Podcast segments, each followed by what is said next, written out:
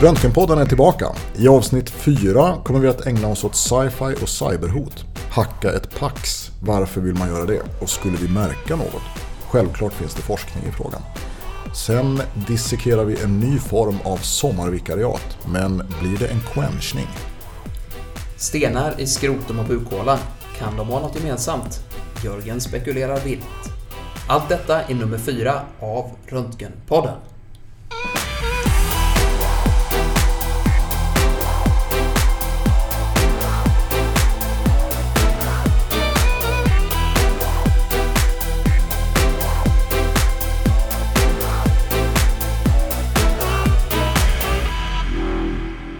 Hej Per, hur är det med dig? Hej Jörgen! Jo, det är, det är bra. Ja, det var länge sedan sist. Allt för länge sedan egentligen. Lite längre än vi planerade ju. Ja, eh, precis. Det har eh, dröjt eh, ganska långt mellan avsnitt 3 och det här som är avsnitt 4. Ehm, Är vi skyldiga lyssnarna en förklaring till det tycker du? ja, vi är nog det. Kanske? Ja, jag tror det. Eh, är det du som ska komma med förklaringen? Du har tur att det är mitt fel.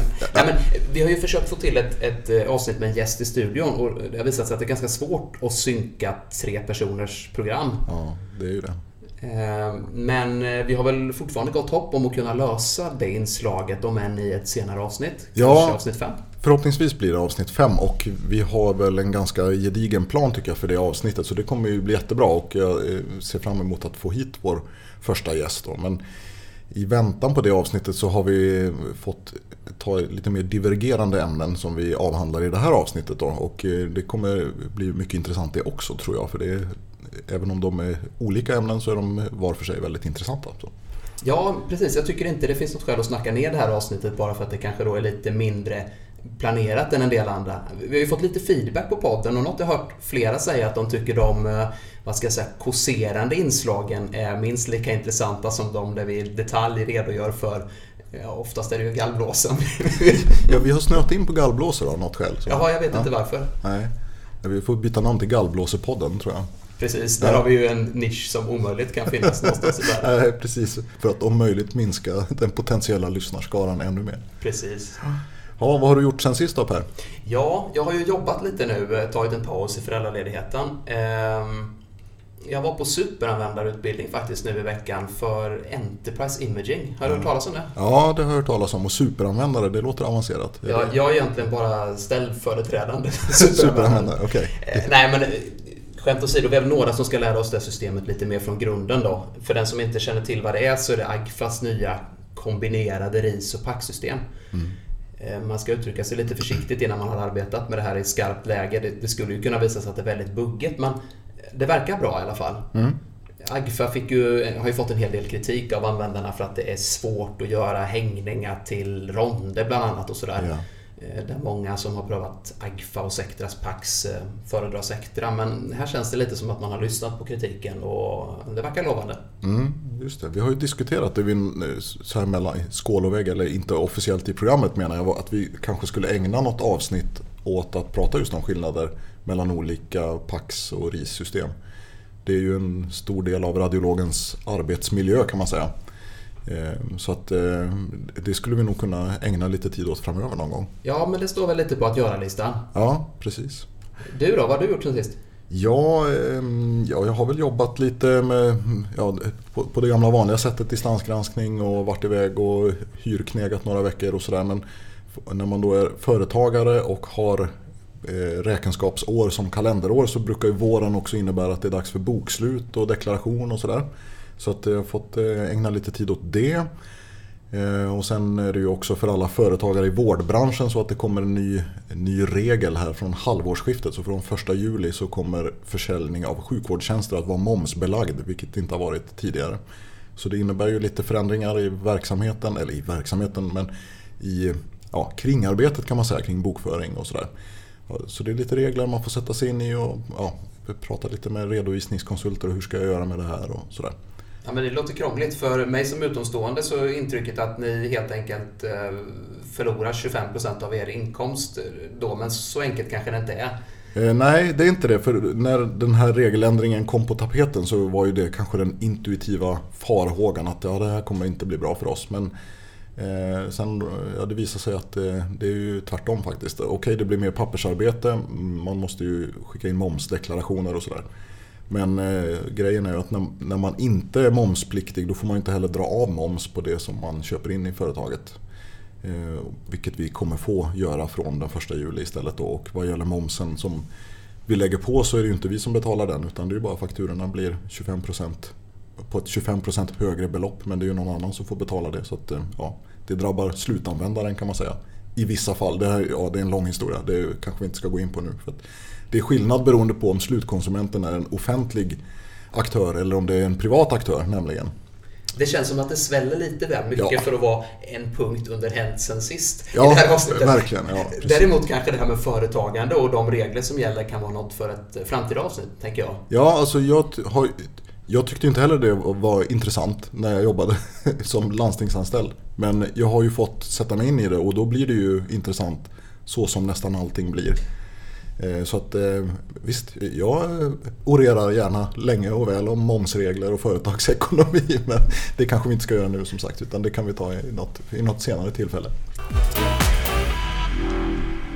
Det är du som har valt artikel till det här avsnittet Jörgen och det är inte riktigt gängse radiologiska artikel. Det är mer någon sorts eh, science fiction eller mission impossible variant. I alla fall som jag har förstått det. Ja, precis. Jag lyckades Eh, snubbla över den här återigen på den vetenskapliga plattformen Twitter. Men eh, eh, det stämmer, det är en, en studie från Israel eh, som heter CT-GAN Malicious Tampering of 3D Medical Imagery Using Deep Learning. Så det handlar alltså om hur man hackar och manipulerar data i PAX och bildhanteringssystem. Varför skulle man vilja göra det? Ja, det var en bra fråga som, jag, jag. som jag också ställde mig när jag, när jag först ramlade över den här artikeln. Och, eh, det som kanske först eh, kommer eh, comes to mind är väl om man skulle göra något, kanske under en politisk valkampanj eller så, att man skulle vilja neutralisera en motståndare genom att få hans bilder att visa en sjukdom som han inte har. Till exempel och då inkapacitera honom i slutet av valkampanjen. Eller eh, ja, någon form av psykologisk påverkansoperation från främmande makt då, mot statsledningen eller något sånt där. Alltså det, här, det känns ju lite som att man är ute och, och, och cyklar. Eh. Det låter som en thriller som man köper på sån här topplista på någon flygplats någonstans. Det, det är ju inget man sitter och tänker på i det vardagliga radiologiska arbetet i alla fall. Men eh, jag tror att vi kommer komma fram, när, när vi kommer in i, på den här artikeln så tror jag vi kommer fram till varför jag tyckte att det var fascinerande. Ja, men ska du, ska du börja med att och liksom kort redogöra för vad man har, har gjort? Ja, eh, absolut. Det här är alltså inte då, eh, vad ska man säga, medicinskt skolade personer som har gjort den här studien utan det är gjort i, nu ska vi se så att jag säger rätt, eh, Department of Information Systems Engineering i Ben Gurion-universitetet i Israel. Så det här är alltså datanördar, då, om jag får vara lite vanvördig, som har gjort en, en studie på hur lätt det skulle vara att få åtkomst till eh, bildbehandlingssystem eller bildlagringsöverföringssystem då, på sjukhus och manipulera data i de här systemen. Så att eh, eh det de gjorde var att med eh, tillstånd från sjukhusledningen som var fullt medveten om att de eh, tänkte försöka hacka sig in i systemet eh, så eh, gjorde de försök att göra det för att se hur enkelt det var. Då.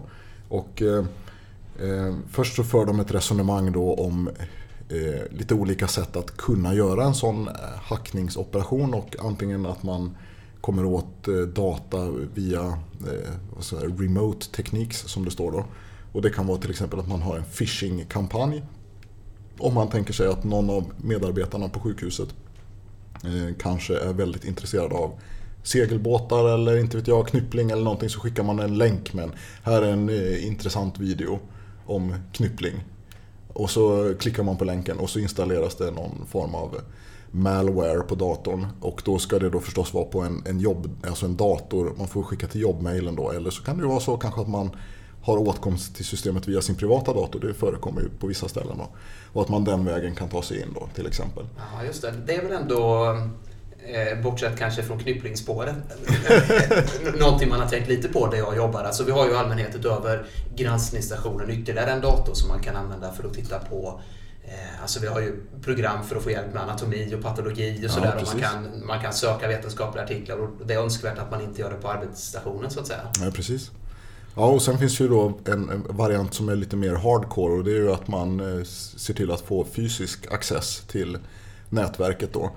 Och ehm, de hänvisar då till en eh, studie som visar att eh, hackning av sjukvårdssystem i 56% av fallen så sker det på det sättet. Alltså att antingen fysiskt ehm, eller så kan det vara så att man har en inside hitman då, som är, man liksom har köpt för syftet och som hjälper till att ge access till systemet. Det är ju en variant då kan man säga av, av fysisk hackning. Men det sättet som de valde för sitt experiment det var, ja, men det var lite spion, eh, spioninspirerat. Alltså för de satt och häckade utanför ingången till röntgenavdelningen på det här sjukhuset. Eh, och eh, väntade, det här var alltså efter liksom kontorstid då, så väntade de till städpersonalen gick in och så, ja, så smet de in bakom städerskan. Och så gick de in till CT-labbet med en Raspberry Pi-dator. Som, för de som inte vet det så är det stort som en kanske en större tändsticksask. Ursäkta. Och så kopplade de ihop den med en CT-maskin. Och jag måste bara fråga, ja. alltså, sjukhusledningen var ju medvetna om det här, Jajamän. men städerskan var det inte så att säga? Nej, det förutsätter jag. Det vet, framgick inte riktigt, men jag antar att det är så faktiskt. Ja, i alla fall så eh, smög de sig in då till CT-maskinen. De kopplade in den här lilla minidatorn.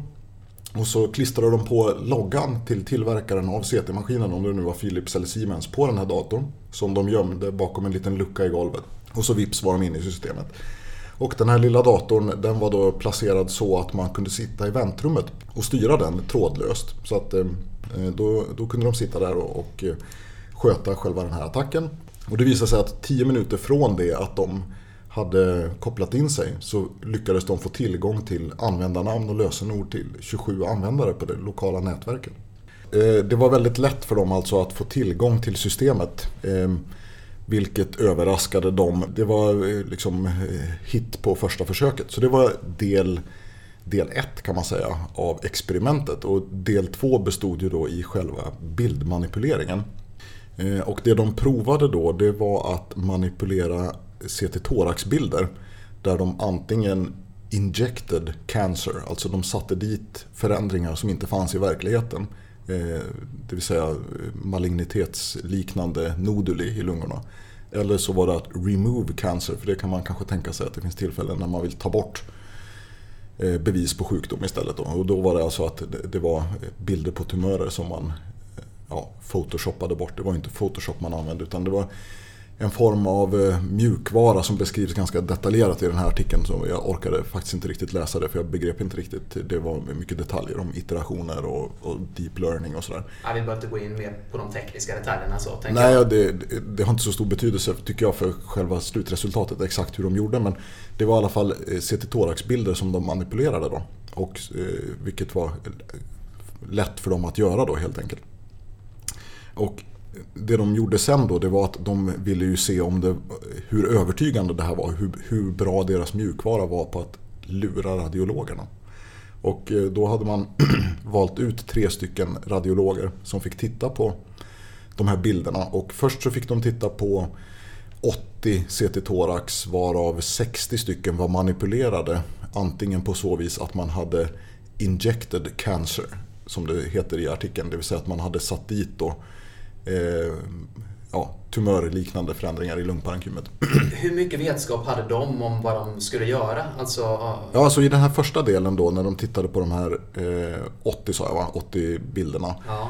Så visste de inte alls utan då fick de veta bara här är 80 stycken CT-thorax. Du ska titta på dem och så ska du säga om det finns eh, en tumör eller inte. Okay. Ja. Eh, och Eh, vissa av de här var ju helt omanipulerade. Det var ju äkta bilder då. Varav det på en del fanns tumörer och på andra inte. Det var liksom för att se om de kunde sitt jobb då helt enkelt. Och sen, men 60 av de här 80 bilderna de var manipulerade. Då.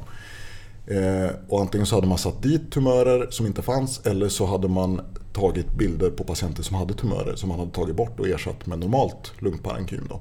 Och så ville man ju se hur pass övertygande den här manipulationen var. Eh, och ja, det var lite intressant resultat. Vad tror du Per? Jag tänker att Eftersom det har blivit en artikel av Ja. så det var förmodligen inte ett totalt misslyckande då. Nej, nej, det var faktiskt tvärtom. Det var ju ett totalt lyck lyckat kan man säga. Det var eh, 99% av eh, injected cancers eh, lyckades, eh, alltså eh, identifierades som tumörer. Och sen var det lite lägre hitrate på de som man tog bort och då, det innebär ju då att det fanns en cancer som de hade försökt att radera. Eh, och det lyckades i 96% av fallen.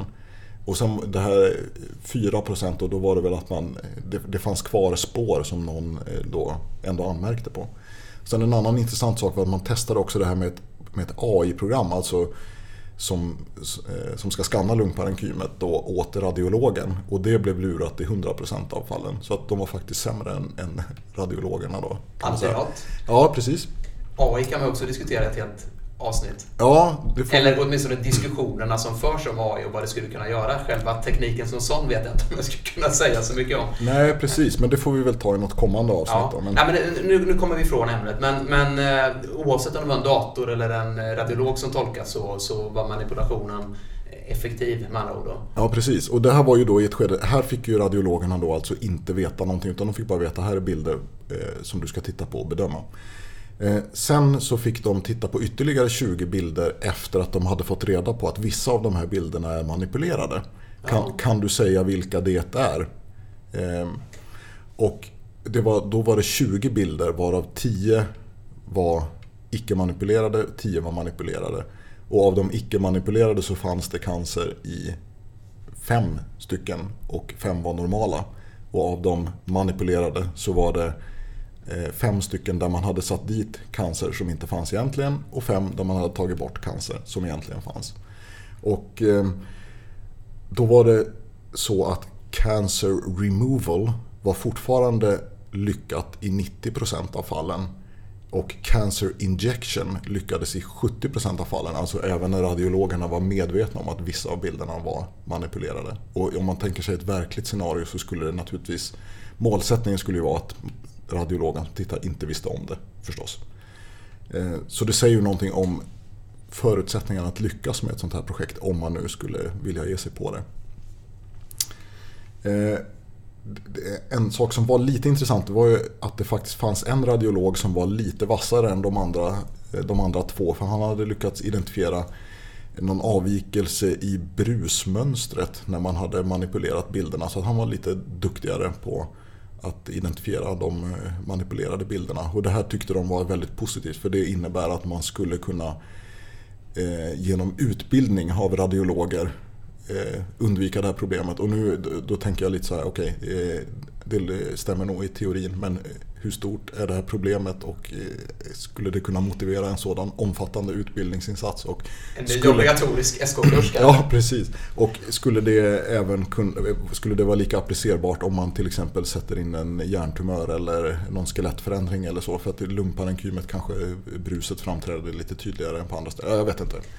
Eh, Jag tyckte i alla fall att det, det var liksom en lite fascinerande studie och jag tycker att det sätter fingret på ehm, för när jag läste den här tanken har aldrig någonsin slagit mig innan att bilderna jag tittar på på skärmen inte skulle vara äkta. Jag vet inte om du har tänkt det någon gång? Nej men alltså man, man eh, hittar ju ibland fynd man tror inte har med verkligheten att göra, alltså artefakter av olika Ja, slag. ja, så i absolut, någon mån det är man ju... Men, men att bilderna skulle vara manipulerade med avsikt, det är aldrig en tanke som har slagit mig. Nej, precis. Och sen så tänker jag också lite så här kanske fördomsfullt men studien är gjord i Israel. De har lite annat säkerhetstänk och lite annan hotbild eh, överlag liksom rent på samhällsnivå. Ja, det är nog ingen slump att den kommer därifrån. Så man har lite svårt att tänka sig att när man sitter som eh, bonaradiolog på Knäckebrödhults eh, röntgenavdelning att det, det, någon skulle ha hackat en system för att någon av patienterna man tittar på där ska få en diagnos som vederbörande inte har eller så. Men det är väl lite som det mesta med IT-säkerhet. Känns det som att det, det bästa skyddet är att vara tillräckligt ointressant som person för att någon ska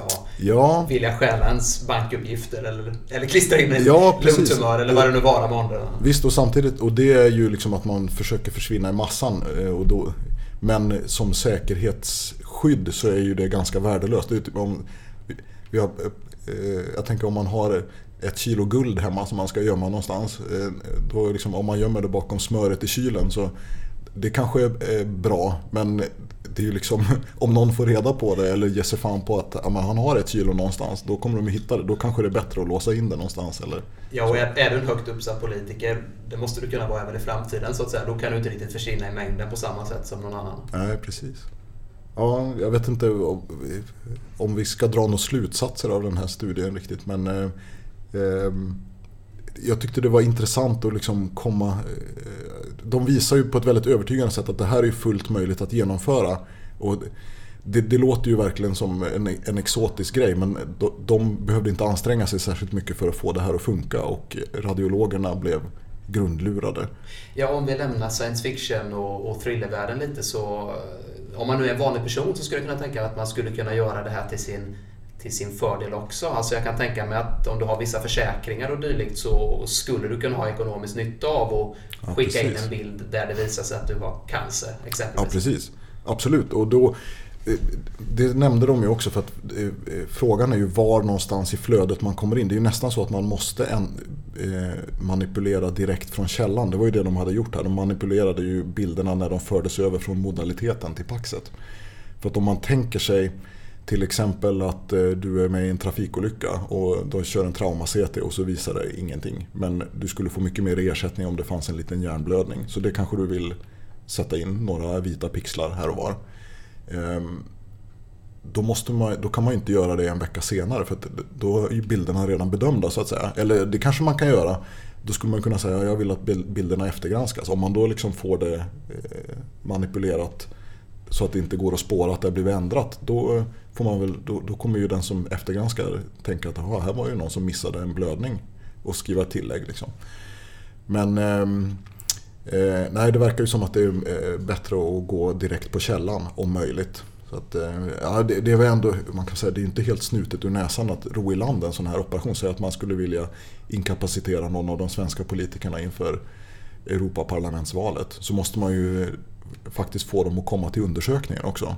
Och det för de också lite resonemang om hur det skulle gå till. Och, eh, för det går ju naturligtvis att hacka själva bokningssystemet och liksom fejka en kallelse och sådär. Men jag tänker mig om det kommer en kallelse, du ska röntga lungorna utan att man har liksom sökt för det. Så då borde man ju bli lite misstänksam. Men alla EU-parlamentariker som, som lyssnar på det här avsnittet det här med varnade kan man säga? Det... Ja, och även alla radiologer som kommer få en EU-parlamentariker att, att bedöma eh, om ni då ser den här EU-parlamentarikern och den ser pigg och frisk ut och sen så får ni en bild med diverse lungnoduli så då ska ni nog dra öronen åt det. Det var dagens take home message. Yes. Dagens quench. Ja, kanske. Vi har ju diskuterat tidigare hur bra det är att quencha eller inte om vi framstår som gnälliga om vi quenchar hela tiden. Ja, och den här gången så börjar vi faktiskt spela in diskussionen utan att helt ha kommit överens om hur eh, dåligt det fenomen vi diskuterar är. Ja, vi tänker att vi kanske ska resonera lite och sen bestämma om vi ska trycka på quench-knappen eller inte. Precis, och det här är, det här är Röntgenpodden live kan man säga. Ja, precis. Det är live. Ja, ska du berätta vad vi har pratat om? Ja, eh, det var en anställningsannons. Jag tog del av den eh, via en eh, facklig grupp på Facebook faktiskt. Där man hade publicerat en annons från Källkirurgiska kliniken på Sahlgrenska mm. där man söker underläkare och annonsen var riktad då till läkarstudenter efter termin 9 och 10 ja. inför sommaren. Så så långt ingenting utöver det vanliga. Eh, men när man kommer till arbetsuppgifterna som beskrivs så var det uppgifter som normalt sett inte utförs av läkare. Alltså det handlade om att bereda medicin, bedöma fallrisk, sårvård, sätta KD och så vidare. Mm. Eh, så det visade sig att syftet med den här rekryteringen var att man då skulle avhjälpa brist på sjuksköterskor under sommarsemestern med att anställa läkarstudenter. Så att de skulle få utföra sjuksköterskeuppgifter fast de skulle ha titeln underläkare? Eller? Just precis. Mm. Just precis. Ja, de, de, kan ju inte ha titeln eh, sjuksköterska så att säga, som också är ett legitimationsyrke naturligtvis. Just det. Eh, och det har ju blivit en ganska stor diskussion då kring huruvida det här är rimligt och huruvida det är önskvärt. Ja, jag vet inte, när du nämnde de här arbetsuppgifterna, hur känner, du, hur känner du att du skulle kunna bedöma fallrisken på en patient efter termin 9 om du hade fått ett sånt här vikariat? Ja, just fallrisken skulle du nog sätta dit mig på. Jag har ingen, jag antar att det finns någon skala man jobbar med eller så. Jag har ingen kännedom om det. Men Nej. sätta venflåner och ta blodprover, det skulle kanske vara lite svårt nu. Men efter termin 9 så kunde det nog gått bra. Alltså ja, och kanske inte helt fel heller att få lite övning på det. Det har man väl, det finns väl inget negativt i att kunna det. Nej, så. Eh, jag jobbar själv som undersköterska och läkarassistent och en hel del av det här, eh, inte medicindelning heller kanske, men en del av det har man i alla fall gjort. Ja, och sårvård tänker jag också. Det var ju det är liksom inget som man har pratat sådär jättemycket om under läkarutbildningen. Inte som jag minns i alla fall. Jag kanske var sjuk på de föreläsningarna. Men eh, jag vet inte om eh, man skulle känna sig helt komfortabel med sådana arbetsuppgifter efter termin 9. Nej, eh, precis. Va? Alltså huruvida man är kompetent att utföra uppgifterna eller inte är ju naturligtvis en viktig del, men det är ja. inte bara det man diskuterar, utan här får ju så att säga andra implikationer för vården i längden. Eh, lite kritik har det här förfarandet fått från olika håll. Ja.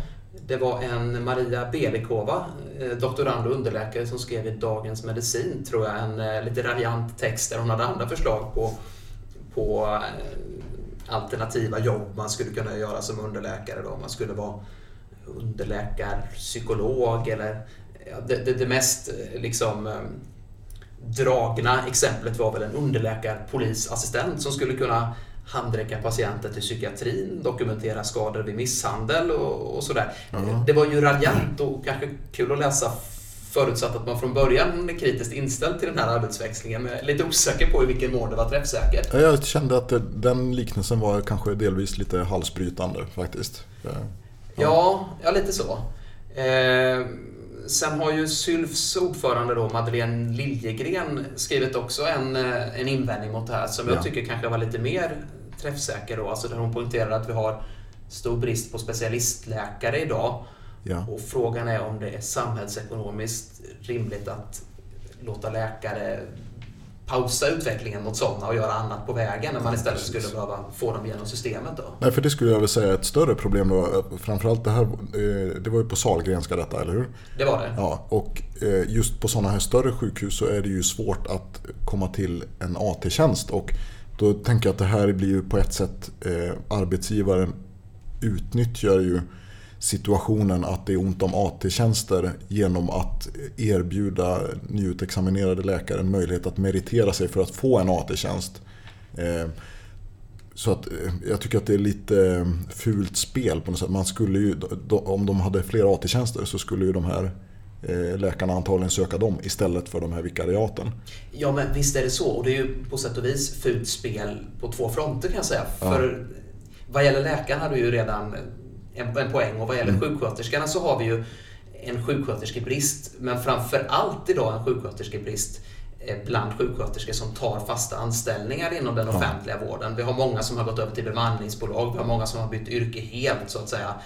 Och jag känner lite att om man i längden ska kunna försörja våra regioner med sjuksköterskor så måste det nog till en del förbättringar av arbetsvillkoren. Ja, eh, och med sådana här åtgärder kan man ju kanske fördröja vad jag ser som nödvändiga åtgärder. Så lite fult spel gentemot sjuksköterskorna också. Ja visst, men det är dubbelfult spel. För liksom först så är man oattraktiv arbetsgivare gentemot sjuksköterskorna som drar. Och då får man ett problem. Och då eh, utnyttjar man att man är snål med AT-tjänster. Och så eh, tvingar man läkarstudenter att söka de här tjänsterna istället för AT som de ju egentligen borde gå. Rent, eh, ja, en logisk karriärväg då så att säga.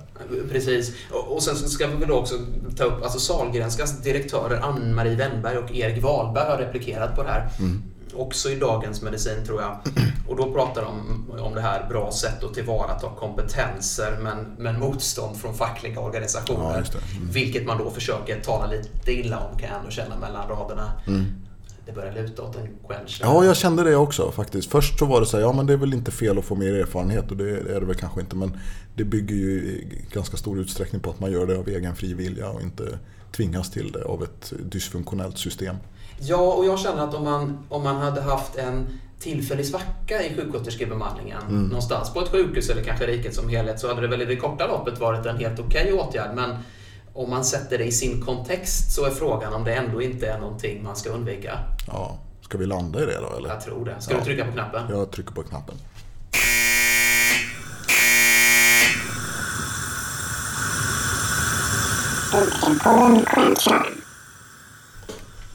Jörgen, du har din vana trogen hittat en eh, zebradiagnos eller en grupp av zebradiagnoser eller vad, vad har du gjort egentligen? Ja, det har jag gjort. Dels zebradiagnoser som jag vet finns och sen en som jag inte vet om den finns men som jag tänkte att jag skulle spekulera lite kring för att jag tror att den finns. Då är vi inte på nivån bonaradiologi längre. Men Nej, det brukar vi å andra sidan jag inte. vet inte. Jag har lite dåligt samvete för att vi sa det i början att det här skulle vara jordnära eh, fokus. Ja, det är ju direkt falsk marknadsföring. Ja, det är det faktiskt. Men eh, å andra sidan så eh, tycker jag att det är ganska roligt att prata om zebror och eh, även om eh, udda grejer som eh, cyberattacker mot packsystem. Så att, vi kör väl på det spåret i alla fall. Det tycker jag. Vad är det här för rosa rutor i zebra? Ja, om vi börjar med något som heter skrotoliter eller scrotal pearls. Jag vet inte om du har hört talas om det? Jo, men det har jag sett. Det är sådana här eh, förkalkningar utanför testiklarna men innanför skrotum så att säga. Ja, som ligger fritt i, i skrotum till och med. Man kan se, eh, ibland så, första gången jag såg det så tänkte jag herregud, det där, patienten har ett konkrement. Det ser precis ut som en liten gallsten men den ligger i pungen och ja, hur har den hamnat där? Ehm, och eh, då fick man ju leta lite på det då och då finns det då något som heter skrotolit. Och ehm, då läste jag en teori om hur de här skrotoliterna uppkommer, nämligen att det skulle kunna vara torkverade Morgagnis hydatider som har gått i nekros och liksom ramlat av och blivit förkalkade.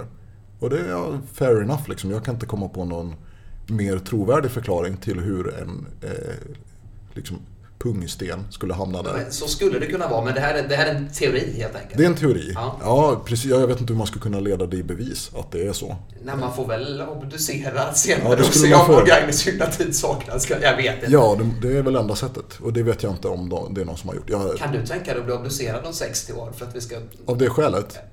Ja, jag, jag tänkte mer hur, hur ska man sälja in det här till patienten? Jaha, ja okej. Ja, precis. Eh, Vi släpper det. vi släpper det. Ja, men eh, det som jag eh, associerade till då, det var för jag har sett, sett några, ett par fall där det har funnits förkalkade kroppar, alltså eh, i, i bukhålan. Och när man ser det först då tänker man ju förkalkad lymfkörtel.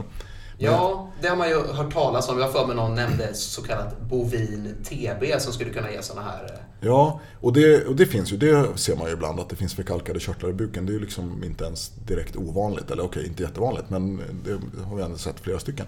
Men sen ett par patienter jag har sett, då har det varit vad som ser ut som förkalkade lymfkörtlar i buken men som ligger på olika plats mellan undersökningarna. Det var någon, då låg den precis framför rektum ena gången och så skulle titta på den förra. Men det var inte, då, då låg den på en helt annan plats i buken och det var bara en då dessutom. Då låg den kanske lateralt om säkum och sen på ytterligare en äldre undersökning då låg den uppe i, i, i mjälten någonstans. Liksom. Så uppenbarligen en fritt rörlig förkalkad kropp i bukhålan. Och då tänkte jag att ja, men en lymfkörtel bör ju inte bete sig på det sättet. Nej, det låter ju konstigt. Och vad kan det då vara? Och då, ja, okej, det skulle kunna vara att patienten har blivit opererad, man har glömt kvar någonting, kanske det är en så här främmande kroppsreaktion då möjligen. Eh, men sen kommer jag att tänka på det här med skrotoliter. Eh, och skulle det inte kunna vara så att det här är en sån här eh, epiploisk appendagit, alltså en sån här fett... Vad heter det? Eh, fe- fettbihang på kolon. De Ja, som torkverar. Ja, som torkverar och eh, blir kemiska. Och då- de borde väl också kunna gå i nekros då på samma sätt som en Morgagnis hydatid. Och lossna och förkalka.